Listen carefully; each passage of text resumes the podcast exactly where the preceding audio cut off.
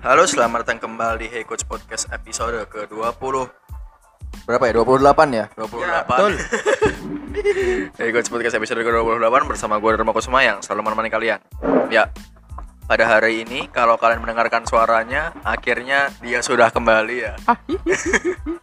Walaupun kemarin episode kemarin skip Sehingga gue harus digantikan Ivan Raihan Teman gue juga. Nah, di sini sudah ada Ewaldo.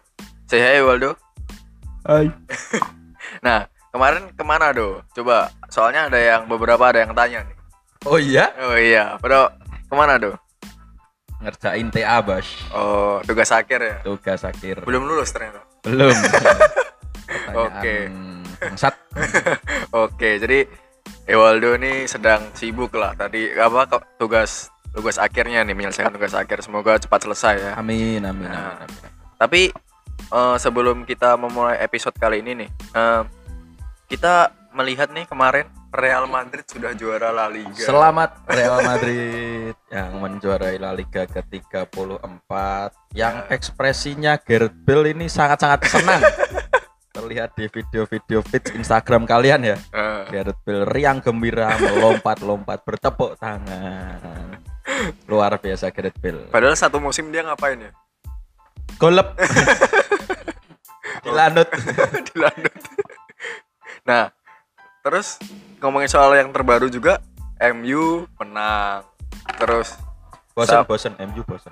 sama Chelsea menang juga. Menang. Leicester menang. Ini kayaknya apa top Kom- 4 Kompak ini kompak. ya, kompak, top 4 ini kayaknya ini lagi seru-serunya nih kayaknya. Seru banget, gila. Asik kaliber. Tapi gini mah apa namanya? MU kok dilihat-lihat lama-lama mainnya agak menurun ya. Kayak kecapean ya kayaknya. Ya, kecapean karena pemainnya itu-itu aja. Nah, ya. itu. Kan ini kan belum beli pemain, belum. Nah. Maksudnya belum beli pemain beberapa eh, belum memasukkan beberapa pemain baru di squad Hmm. Manchester United. Jadi eh jadi ya begitulah. Cadangannya pun kan kayak gitu ya, ngenes cadangannya Iya, gitu. Jadi wajar kalau kecapean dan performanya gak Menurun. menurun performanya walaupun tetap menang konsisten ya. Iya. Ya saya rasa semoga Ole ini bisa konsisten menang seri menang seri bisa konsisten sampai akhir musim dan masuk mendap ah, dan mengamankan tiket UCL. Oke. Nah, kemarin juga eh, performa De Gea ini udah mulai kembali, Mak. Kemarin melakukan Mulai beberapa kembali, save ya kan. kembali. Walaupun sebelum yang dua sama dengan Southampton tuh melakukan Salah. umpan pintar ke Pogba. Ya itu tidak bisa disalahkan ya karena Pogba-nya emang nggak tahan pressing emang tipe Iya. gelandang itu. ya tapi De Gea-nya juga salah itu posisinya. Oke. ya tapi nggak apa-apa. Heeh. Kita maklumi kiper terbaik di Oke. saat ini. di MU maksudnya. Di MU saat Kalau di dunia belum. Belum ya. Nah, ngomongin De Gea itu kan posisinya kiper kan, Mak. Betul, Cak. Nah, di kiper kali ini kan berhubungan dengan episode kali ini. Berhubungan dengan saya dong. Oke. nah, episodenya ini adalah peran apa peran kiper dari masa ke masa nih. Betul. Yang melalui perkembangan yang berbagai macam. Tapi sebelum itu nih, tadi Ya. karena eh, Anda ini sudah mengaku-ngaku sebagai berhubungan dengan saya, eh, peng- ini lu tuh ini ya, mah kiper futsal atau kiper sepak bola? Saya dasarnya kiper sepak bola Iya. aslinya. Nah, Ikut SSB dulu di salah satu SSB di Madiun yang cukup besar. apa yang mau? Ya itulah pokoknya. Oke. Dan disebutkan. Kalau pengalaman kompetisi nih sebagai kiper itu apa aja kira-kira? Pernah apa aja? SMP, SMA? SD nggak ada ya. Enggak ada. SD saya ya begitulah. SMP ikut Liga Pelajar. ya, yang diganti ya sama sama guru SMP kita. Iya, itu kontroversi itu, kontroversi. Padahal saya melakukan beberapa save ya. Setelah Oke. itu terbobol dua. Eh, pelatihku SMP dulu. Syukur diganti ya. kapok. Saya pas main tuh nggak kebobol, Mas. Tenan. Iya, saya iya. nepes kanan kiri asik. Mm. Setelah itu bleng syukur kapok eh, syukur. Eh, eh, Oke, oke. Nah, terus apa lagi tuh selain SMP Liga Setelah Pelajar? SMA saya kiper futsal. Kiper futsal. karena sepak bola kalau itu yang hype futsal sih kayak Iya, yang hype futsal kalau udah SMA. SMA futsal futsal saya bersama SMA 2 ya Oke. sek saya meraih satu trofi. Weh. asik. Oke, oke. tepuk tangan. Ini ya, kok gua kasih tepuk tangan nih. Bentar. eh ketawa deh ini. Oke Eh. tepuk tangan. Ah emang diguyu terus? Satu trofi. Ya walaupun trofi juara dua. Juara dua Ha, tapi trofi. Itu sih menurut saya. Oke. Itu saja. Kuliah. Kuliah Futsal juga. futsal juga. Mewakili prodi. Karena saya nggak ikut ekskul futsal di univ di universitas ya oke Ya. tapi kalau ngomongin soal kiper futsal sama kiper sepak bola itu Betul. nah bagi lo ada perbedaan nggak kiper futsal sama kiper beda banget bro pasti beda oke kenapa tuh bedanya kalau futsal itu lebih teknikal ya oke lebih positioning gitu ya? lebih teknikal Ah. lebih brus ya maksudnya lebih press Oke. press jadi kiper tuh intinya yang bengak-bengok oh walaupun iya, di sepak bola iya ya. mengkoordinasi. Ya, walaupun di sepak bola ya tapi kalau futsal tuh yang mengordinir teman-temannya karena pandangannya paling luas tuh kiper. Iya benar. Di sepak bola tapi juga ya. Di sepak bola juga tapi kan kalau bengokin striker kan nggak kedengeran ya. Oke oke oke benar benar. Jadi pertahanan aja ya. Mungkin kalau pas corona ini kedengeran kan penontonnya nggak ada. Iya benar ya benar benar. ya terus apalagi itu bedanya itu kalau futsal kan lebih ke teknik sepak bola iya tapi kiper sepak bola itu menurut saya lebih ke refleks oh iya benar lebih, ke, save refleks, ya lebih ke Ah, refleks lebih ke kelenturan tubuh oke karena kan montang manting pojok kiri gawangnya kan lebih besar ini sepak sepak bola, bola daripada ah, futsal daripada futsal dan harus lebih mainnya lebih santai sih kalau sepak bola menurut saya karena bola. futsal kan harus main cepat Ah. taktik tas tas tas tas gitu. oke Tas.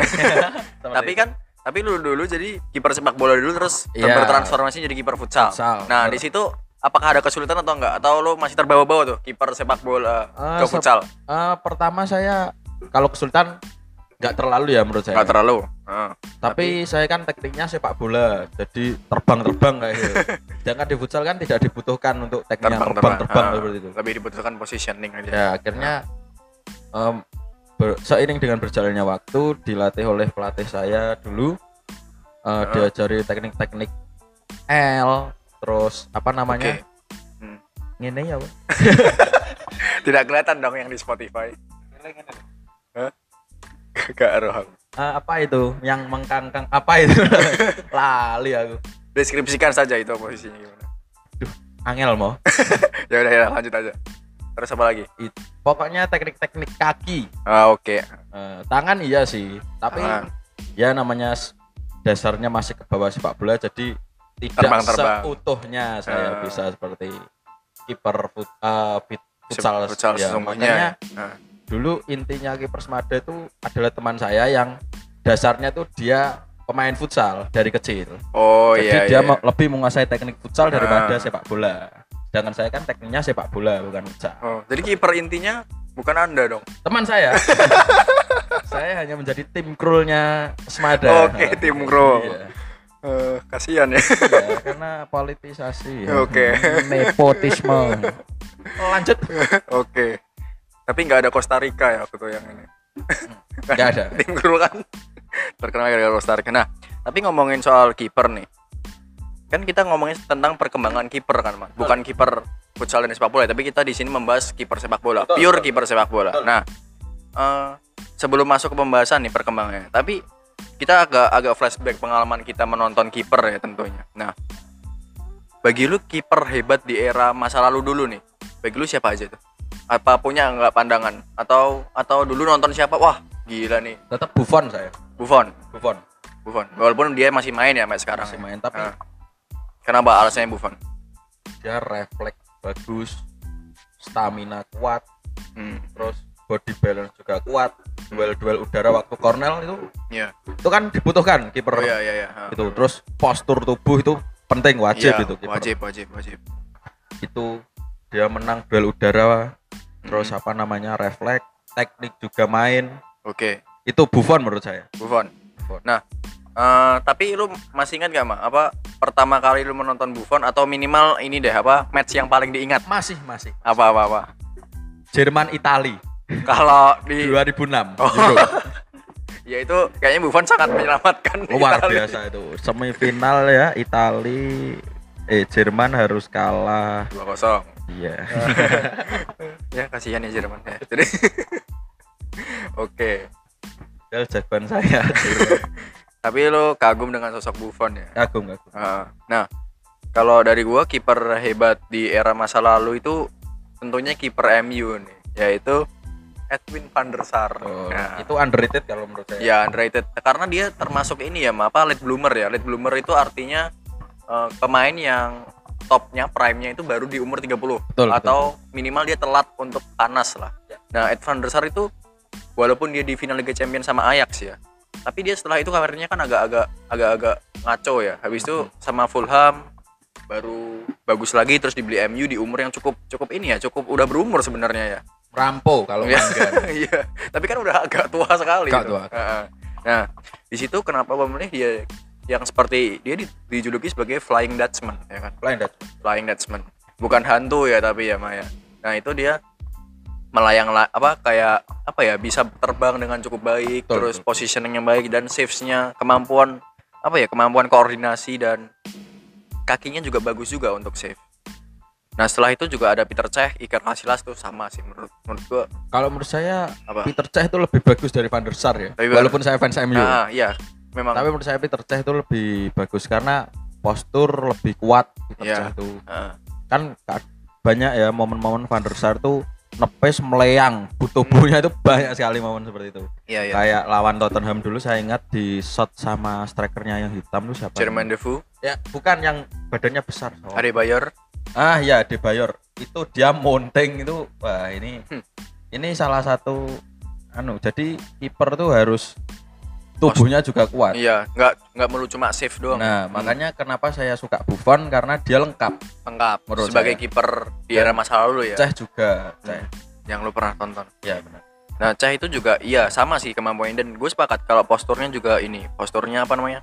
eh, pas lah sebagai kiper ya. Karena kiper di era masa lalu tuh besar-besar. Minimal kayaknya 190 ke atas ya. Betul, betul. terus Iker Casillas gue lebih menyukai dia leadershipnya itu sangat baik terus apa namanya respectnya respect apa dia dia memiliki gaya berkomunikasi dan koordinasi Tapi- dengan baik Hah? Iker itu saya kagumnya dengan refleksnya sih. Dengan refleksnya juga. postur dia kalah. Kalah memang. Dia cukup kecil tapi makanya Betul. dia refleks terus habis itu saves juga dia bagus ba- bagus sekali ya kemampuan savesnya ini. Nah tapi kalau ngomongin di era masa lalu tentunya kita itu tidak terlepas dengan era saat ini. Nah Betul. untuk saat ini kiper yang cukup hebat nih di era saat ini yang pernah lu tonton siapa Manuel Neuer pasti dong. Manuel Neuer Pasti. ya sepakat sepakat itu gua Nah, dia itu komplit pakai T7 T-nya 7 komplit. Eh, nggak bisa ya. nggak bisa. Angel. Neuer Neuer Neuer. Neuer ya. Komplit karena dia bisa membantu serangan nah. ikut ngepres Mm-mm.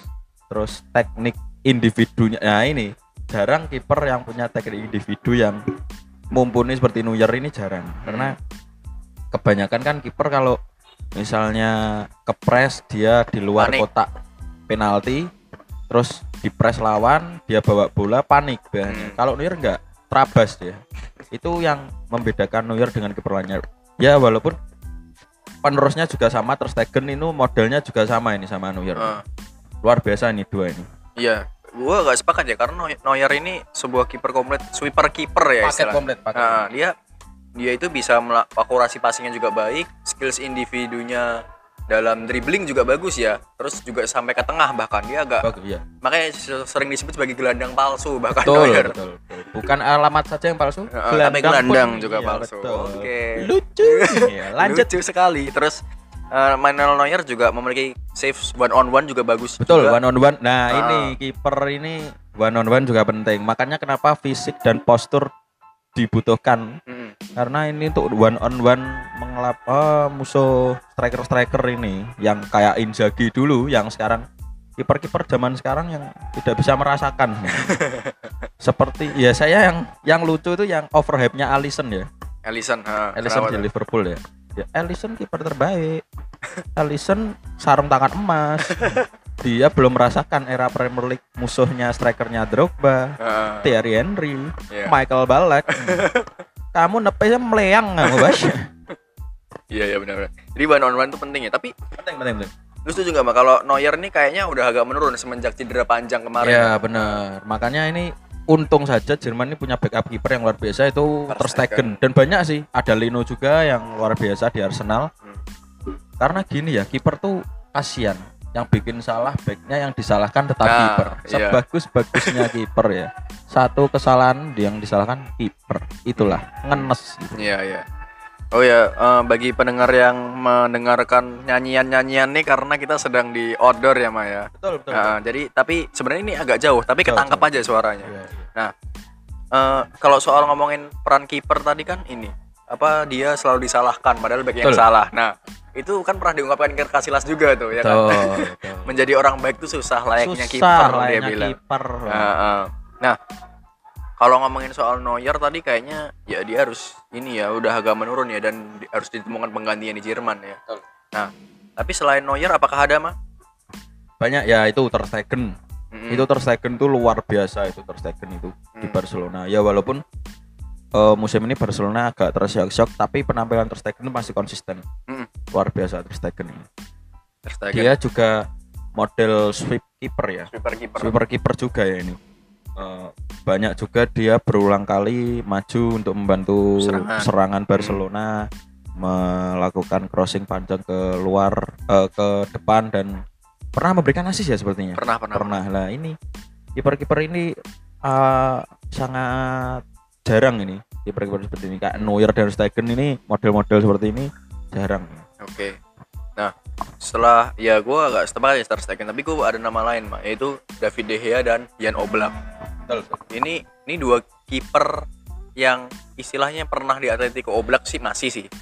Dua orang yang berkaitan dengan Atletico Madrid lah, itu lebih gampang. Nah, David De Gea ini yang sering diremehkan dia cuma bisa save. Padahal passingnya itu cukup bagus loh David De Gea. Long passnya itu juga cukup bagus, ya kan? Kalau De Gea ini menurut saya adalah sosok ikonik kiper masa kini. Mm-mm. karena Kenapa tuh? teknik L yang jarang dilakukan oleh kiper ya. Oke. Yang L terus kaki oh ya jenenge ya aku kali aku. Kaki standing apa? Bukan bukan. Oh iya ya, kayaknya one leg standing deh, itu aja dah. banyak lah ya. Dan one on one-nya ini ini Luar biasa. main. Ah. Banyak sekali dia melakukan save-save one on one berhadapan. Yang paling Hmm. nyantol di pikiran saya itu kalah melawan Liverpool di Old Trafford kalah Liverpool peringkat 8 ya dulu ya Hmm. itu Raheem Sterling one on one dengan De Gea Oh iya, tahun 2014 15 tuh. 2014, Ah, iya, tahun 15 kayaknya. wah dia mantap ya. Ganteng itu kita ya. kayaknya nobar bareng waktu itu. oh iya iya. lupa saya Yang Raheem Sterling itu ya. yang Balotelli. Nah, itu David De Gea emang ya tapi Jan Oblak ini walaupun dia jarang membantu serangan ya, tidak bukan kiper tapi membantu serangan, tapi dia secara teknik dan secara save postur dia sangat pas ya, Mak. menurut saya itu saya membedakan kiper itu ada dua ya Iya. ada kiper kaku sama lentik gimana tuh? Gimana? kiper-kiper kaku ini menurut saya seperti Van der Sar Oke. Courtois Heeh. dan Oblak termasuk Oke. Kalau kiper-kiper lentik ini De Gea, Neuer, Buffon. Oke, tapi yang dimaksud kaku sama lentik itu apa tuh? Badannya. Maksudnya gimana? Tekniknya Gimana? badannya itu kaku sekali. Oh iya iya. Jadi jadi yang kaku ini kayaknya lebih ke positioning gitu ya. Betul. Nah, kalau yang lentik ini positioningnya di mana aja tapi dia Iya, bisa seperti melebarkan tubuh gitu. nah seperti Sesni gitu kan lentik, Lentik, ya dia. eh, walaupun, walaupun jelek. bobol 8 gol di Old Trafford. ini PR-nya Juventus ini, cari kiper ya, Tus. Juventus. Tolong dari kiper Sesni ini Oke. tidak bisa diharapkan ini orang ini. Nah, tapi ngomongin soal kiper saat ini, itu kan tidak terlepas dengan apa yang ada di masa muda. Nah, tapi untuk kiper muda yang saat ini nih, yang berpotensial, menurut lu siapa, Mak? Donnarumma dong. Sama, gua juga Donnarumma. Pasti dong. Donnarumma dong. Eh, sama sama. Nah, Donnarumma ini memang kiper yang luar biasa ya di umurnya. Luar biasa dong. Senang nih fans AC Milan ini. ya memang Donnarumma secara postur pas, padahal umurnya masih 21, 20. Segit, 20 iya, dong. segituan ya. Pokoknya dia under 23 lah. Dan dia 98 99 ya. oh jadi sama kayak kita dong. enggak 98 ya. 21, 20. Jadi sekitar segitu lah. Ya antara selikur likur eh. Monggo dulur. Asik. Nah, itu Donnarumma bukan kiper potensial ya. Dia berpotensi nggak menjadi kiper kelas dunia? Berpotensi banget. Ya catatan AC Milan bangkit lagi ya. Atau Donnarumma pindah klub? Nah, karena kan sempat mau pindah ke Real. Madrid dulu. Ah, Tapi sama AC Milan dijanjikan mau dikasih ban kapten walaupun Ah. tidak terjadi. Ya. Padahal bagi gue ini kayaknya dia bisa nih pindah ke klub besar Bisa ya. banget. Dan- Tapi Heeh. mahal Donnarumma sudah Iya, harganya. Tekniknya juga cukup bagus, posturnya pas ya kan. Dia walaupun umur berumur 20-an dia bisa mengkoordinasi pertahanan dengan baik loh menurut gue ya. Dia dan beberapa kali mulai saat ini pun dia sudah bisa membangun serangan. Betul, betul, betul. Kiper Ini- utama tim Italia, Mas. Masa depan kiper Italia nih. Ya, Donnarumma. tapi kayaknya udah jadi kiper tim utama. Nah, ini masa depan cerah buat Italia yang sekarang ini lagi meregenerasi Skuadnya. skuadnya. Nah, nah, terus kan ngomongin soal ini apa namanya? Eh, kiper-kiper nih. Nah, tentunya tadi kita sudah menyebutkan tuh kiper tradisional, kiper masa lalu, dan kiper modern. Yoks. Deh, dan dan lu tadi udah menyinggung beberapa seperti kemampuan passing, kemampuan ini. Tapi bagi lu tuh kiper di masa lalu tuh role-nya seperti apa? Kalau menurut saya kan masa lalu kan belum seperti se- masa sekarang ya. Pasti dong. ya pasti dong. Jadi kalau masa lalu kan tekniknya kan back kiri back kanan kan tidak membantu pertahan eh, penyerangan, sorry. Penyerangan, ha. hanya berkutat di posisinya saja. Seperti kiper. Dulu Iya. kan kiper cuma hanya di belakang, tugasnya yang menjaga gawang dan memberikan crossing ke depan dan Iya. ya seperti tugas kiper biasanya. Tapi kalau sekarang kan kalau sekarang kan komplit, kiper harus Heeh. bisa eh, mengatur serangan, Hmm. melihat kondisi, terus harus pandangannya harus luas. Ya memang luas sih kalau kiper. Tapi Iya. kalau kiper zaman sekarang kan harus tahu eh, arahnya ke mana bola ini ke mana Hmm. sesuai formasi sih. Kalau dulu kan hanya tugasnya tuh hanya menjaga gawang gitu menurut Ya, saya ya. bener-bener tukang save doang ya. Nah betul sekali Cikgu. ya. Kalau sekarang kan harus tambah-tambah dan sekarang kan eh, zamannya sepak bola modern ya. Iya. Dan yang menurut saya kiper pertama yang paling mengikuti zaman pertama kali ya Neuer Neuer. ha. karena dia di Munchen ini satu-satunya kiper yang bisa maju mengikuti eh membantu penyerangan Iya. seperti itu ya hanya Hmm. dia Ya, dia Ter Stegen. Terus ini apa? eh, tapi kalau ngomongin soal kiper tradisional nih, kiper di era masa lalu, itu apakah karena memang permainannya bukan membangun serangan, permainannya ya memang tung-tung aja ya, kayak Iya, iya. kayak direct pass Ya, seperti itu. benar, benar. Walaupun pada saat itu udah ada total football kan, betul, ya. tapi, memang masih apa ya kurang lazim ya. betul Nah. karena belum ada modern football ya. Oke. Asik nih sok-sok banget ya nih. Yoks, ya. Nah. which is iya, lanjut. Nah, di situ ini ya. Jadi kiper di era masa lalu artinya cuma melakukan saves tapi memberikan umpan pun memberikan umpan pendek yang aman ya, mah. betul, betul, Iya kan? betul. Karena kan sekarang zamannya kiper memberikan umpan pendek sekarang. Umpan Oh. pendek tapi yang apa ya membangun serangan. Betul nah, sekali. dulu itu mungkin memberikan umpan pendek tapi cuma ke back tengah. Jadi Hmm. jadi kalau umpan pendek pun dia ya yang penting main aman aja, Betul, ya kan betul, tidak terpressing, tidak melakukan blunder dulu. ya betul. Nah, nah, terus juga dulu pun kayaknya pas goal kick itu kiper cuma langsung long ball aja ke striker betul, ya kan. betul. Saya sekarang kan harus wah, Umpan- dar sekarang. Nah itu apakah ini mah eh, lu melihat nggak goal kick itu sekarang udah agak berubah nih? Enggak sih, tetap di situ aja. ya nggak mungkin di belakang penonton Iya, iya. juga. Tapi ini apa cara penendangan goal kick nih? Dulu itu kan langsung umpan lambung tuh. Hmm.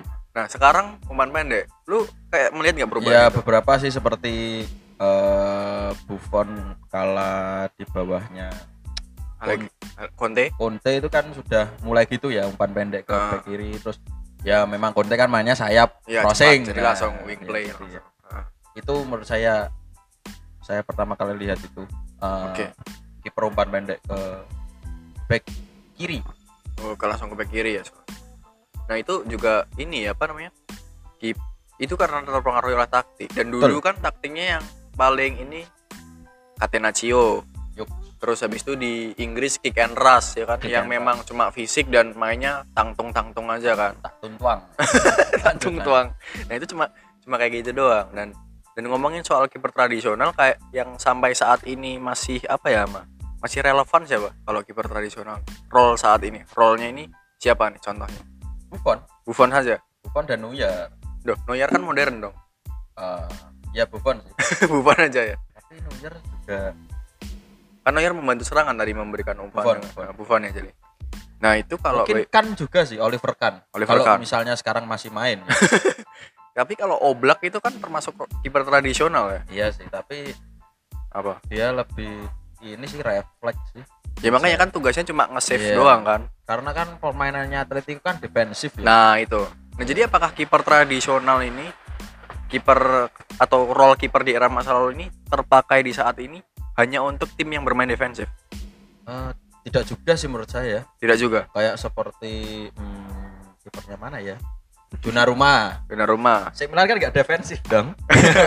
Tap- Tapi dia kan akhir-akhir ini dia membantu serangan. Iya, jadi jadi iya. itu termasuk role kiper modern. iya iya. Nah, kalau yang tradisional nih kan apakah hanya untuk tim defensif untuk saat ini? Yang dipandang defensif ya.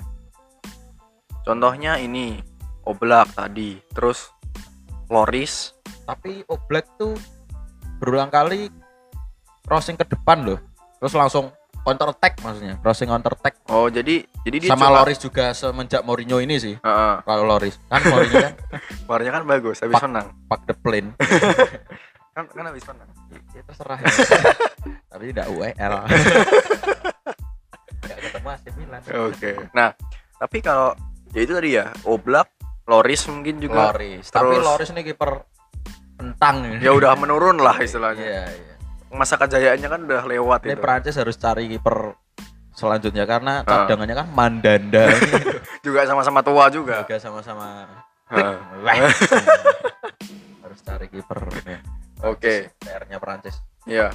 Tapi ngomongin soal keeper tradisional tadi ya intinya memang sa- sudah sangat jarang yang ditemukan. Jarang sekali, jarang. Kecuali maksudnya gini, sangat jarang ditemukan untuk di level kiper top. Kalau misalkan Betul. Anda ngomongnya kiper apa namanya? Wycombe Wanderers ya kan juga pasti tradisional. Terus kipernya mungkin Aston Villa sudah jelas tradisional ya kan. Nah itu pokoknya kiper yang di level top yang role tradisional sekarang hampir jarang. Buffon pun bagi gue udah nggak termasuk karena dia bu- udah bukan inti kan. Walaupun dia udah agak tua ya. Terus eh, nah ngomongin soal tradisional di saat ini tentunya di saat ini pun juga ada role keeper modern yang di mana itu disebut sweeper keeper. Nah bagi lu sendiri ini apa mah?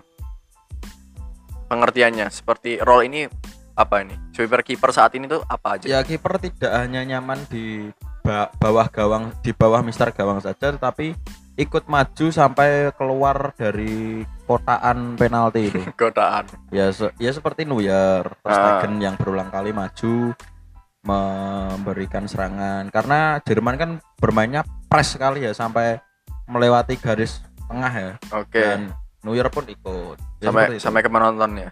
Hmm. sampai menjuarai Piala Dunia Oke. Bahagia ya. Iya Walaupun kalah sama Korea Selatan. Nah, terus habis itu Tapi kalau bagi gua nih, role keeper modern ini adalah yang pertama jelas ditugasi melakukan saves, betul terus habis itu ikut berperan dalam build up, yaitu membangun serangan tadi lewat umpan-umpannya. Bahkan kiper saat ini tuh juga menjadi ini mah op ekstra apa opsi ekstra passing. Jadi Nah, pemain ke-11. Biasanya kan kalau tim lain yang tidak bermain secara modern dia kan hanya bermain dengan 10 orang Ya, ketika menyerang. Nah, kalau kiper membantu serangan, yaitu menjadi opsi passing kan untuk bermain. Nah, ini apakah hal ini apakah dipengaruhi oleh permainan Guardiola nih yang memperkenalkan tiki taka waktu itu? Mulai sekarang mulai banyak nih kiper-kiper modern. enggak juga sih Enggak ya juga. mungkin ya si Guardiola tapi ya karena total football ini ya Total football dari Karena- dulu jadi. ya Jerman Belanda juga biasanya kiper juga ikut Hmm. serangan pas waktu Belanda dipegang Van Gaal itu Ah, kipernya Cilesen yang nggak jelas itu iya Kilesen. walaupun menggila Spanyol Oke, oke, oke. tetapi itu juga Cilesen juga beberapa kali menjadi pemain extra passing ke 11 di skuadnya Ah, terus Neuer di se- waktu di Salke pun Ya Neuer udah ya sebenarnya. sudah seperti itu Ah. permainannya seperti menjadi swiper kiper ya. Oke. Nah, di wal- dan juga untuk sekarang nih kayaknya kiper modern juga kadang melakukan dribbler, d- dribble ya. An- lu kalau lihat kiper melakukan dribble lu deg-degan gak, Mak? Pol teratap saya Nah, itu. Dan banyak juga yang berakhir blunder kan. Iya betul sekali. Walaupun DG nggak termasuk tuh dribble. Waktu itu. Nah, tapi Saya blundernya ada itu merucut. malah Iya, teknik dasar banget ya. Iya. Tapi kalau ngomong soal kiper modern tadi ya, walaupun lu mengatakan itu udah ada sejak total football, tapi Betul. jumlahnya sekarang makin banyak apakah gara-gara tiki takanya Guardiola tentunya? Mungkin salah satunya iya sih. Iya. Tapi kalau asal muasalnya dari itu Enggak. saya kurang setuju dan kurang tahu ya. Iya. Jadi ngawur aja ini. Karena gini, dulu Valdes itu kaku banget ya. Kaku, tapi dia tetap membantu serangan loh. Iya, dia Ah. di makanya itu dia sering blunder. Iya, iya sih, bener sih. Nah, itu. Ah, makanya kan Valdes ini kan nggak cocok tuh buat kiper swiper. ah. Jadi Iya, dia iya. itu lebih cocoknya refleks di bawah Mister Gawang. apa lebih cocoknya nggak jadi kiper aja. Nah, iya. Sekarang jadi apa dia? Bakul pulsa kabarnya. Ya itu ya. Jadi ya salah satunya mungkin sekarang pun di era modern karena permainannya sudah modern tuh menuntut kiper untuk berperan sebagai pemain juga istilahnya. Iya, sebagai extra passing. Iya, ya seperti Bung Dharma katakan tadi. Iya. ya seperti membangun serangan dengan umpan-umpan pendek gitu. Nah, apakah sekarang nih, Mo, untuk uh, lu sebagai kiper apakah melihat nih kiper modern tuh sekarang harus bisa passing Harus dong. Itu dari dulu kalau dari dulu. Maksudnya dulu. maksudnya passing yang membangun serangan. Kalau dulu kan harus mungkin harus harus. passingnya hanya long pass dan juga ini harus ya, harus. passing Dari dari aman. dulu sih menurut saya harus deh. harus itu ya. passing itu dasar semua pemain, bukan Ah. hanya pemain yang non kiper ya. Iya, Jadi iya. kiper juga pun harus bisa passing. Jadi lu memandang kalau dulu pun juga harusnya Harus dong. harusnya harus tetap bagus ya walaupun sebagus apa pun kiper kalau nggak bisa ya passing tuh waduh membahayakan. ya membahayakan sekali bro. Tapi kan dulu itu bisa ditutupi tuh dengan goal kicknya ditendang oleh back. Hmm, ya, sekarang kan nggak pernah ya. Sekarang udah nggak pernah. Kalau nggak kipernya cedera. Nah, di situ kan ini ya, apa kayak kiper modern ini kayaknya sudah gimana ya? Apa kiper itu sudah berubah kayaknya perannya ya. Bahkan se seonggok kiper lah istilahnya. Apalagi posisi depannya seperti back tengah, full back, Tapi gelandang. kiper ini walaupun sepertinya itu di apa namanya perannya itu dikesampingkan ya, di Heeh. sebelah matakan ya. Iya. Tapi dia tuh cagae game deh, Iya, cagae permainan Iya, iya, tanpa dia bung terbo ah, Oh, kayak klub ya, iya. tanpa keceplosan. kayak klub. ya, Aduh, senang nonton klub nih kayaknya. eh, tanpa dia ini eh serasa hamba gawang iya bukan gitu maksudnya Iya, iya, iya. eh, tanpa pemain ini bermain bagus ini sangat Berpengaruh. Ah. ber- di seluruh permainan menurut saya Ya dan juga ini ya kiper itu jangan dikesampingkan bahwa gini kiper tuh menjadi salah satu pemain yang akan bisa meningkatkan kualitas dan mengantarkan juara. Ya karena itu salah satu intinya di dalam pertahanan ya Ha. sebagus-bagusnya back kalau kipernya bodoh ya Nggak dalam meng- nggak tanda bisa kutip ya Ha. dalam tanda kutip kipernya bodoh ya sama saja bro Iya. baiknya ada Ramos Alvaro terus ada Nesta Maldini tapi kipernya eh Evaldo gitu. eh, tidak- yo tidak kebobol dong kalau saya kalau kipernya divisi 3 apa yang ngecek-ngecek lah maksud saya masih Ah, amatir itu ya sama oke. saja Iya, iya. itu sih menurut saya sih seperti itu karena Iya ya. walaupun sebagus-bagusnya back kalau kipernya kemampuannya tidak mumpuni ya sama saja Hmm. karena itu salah satu inti dari pertahanan itu juga kiper juga Iya. Nah makanya itu sering dikesampingkan mas soalnya. Nah, bahkan kalau kita menilik ya eh, tim-tim juara terbaik istilahnya tim terbaik itu kipernya pasti bagus kecuali Barcelona ya waktu itu Valdes Ya. contohnya ini Barcelona 2014-2015 Ter Stegen Ya. Bayern Munich Neuer MU Van der Sar dan De Gea Ya. ya kan nah di situ kan kiper menjadi salah satu pemain yang meningkatkan kualitas Betul, gitu. harus itu karena dan hmm, kiper ini juga ah intinya pertahanan sih menurut saya iya ha. Bukannya saya mengesampingkan back ya tapi iya iya iya kiper nih salah satu intinya dalam pertahanan Hmm. jadi ini yang kalau kipernya nggak bagus takutnya kecolongan di menit akhir lah nah Gitu. itu itu itu jadi membuat kehilangan poin juga betul sekali nah, nah tapi apakah lu pernah dipandang sebelah mata mas bagi kiper pernah dulu karena politisasi ya. Oke lagi ada nepotisme Oke oke. Ya curhat ya tadi sedikitnya. Ya. nah, tapi ngomongin soal role, balik lagi nih ngomongin soal role kiper modern yo tadi. iya iya iya Nah itu ya sekarang sudah berubah ya. Ya. Tapi kalau kesimpulan lu nih saat ini mah, eh, yang terbaik apakah kiper yang membantu serangan atau kiper yang tradisional tadi? Hmm, harusnya sih yang komplit menurut saya. Yang komplit ya. Yang komplit menurut Ah, saya. yang- Karena Hmm, itu semua dibutuhkan oleh kiper zaman. Oke. Yang komplit sih menurut saya. Iya, Kalau kalau dia Ah, cuma jago passing tapi refleksnya one on one kalah ya percuma. percuma. Benar. Makanya itu harus komplit sekarang. Iya. Kiper ja- jadi kiper zaman sekarang tuh sulit ya. Iya. Sulit sekali. Udah sulit nggak dihargai kadang kadang Nah, ini ini juga menjadi PR-nya timnas Indonesia ini mencari kiper Siapa kipernya ya? Andri Tani.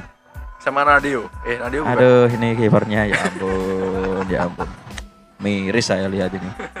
Blunder beberapa kali walaupun di permainannya di Persija Jakarta bagus ya. Andri Tani. Andri Tani, Oke, tapi ah. aduh di level timnas ini orang ini ya ampun harus mengelus dada. Ini Heeh. kehilangan banget sosok Kurnia Mega ini di timnas. Indonesia ini. Ini PR-nya ini timnas ya. Sintayong ini untuk mencari kiper yang luar biasa di Nah. Indo oh, timnas Indonesia. Nah kalau tadi ngomongin soal itu mah apa yang lebih katakan kalau kiper tuh tetap harus komplit ya apa namanya harus lengkap lalu dia selain itu juga harus bisa melakukan pas passing dan save yang baik dan refleks yang baik. Itu contoh ternyata dari Ederson. Betul. Ederson musim ini save-nya menurun tapi passingnya tetap bagus dan nggak juara juga kan Nah. City ini. Aduh kamu malah yang bikin juara Liverpool.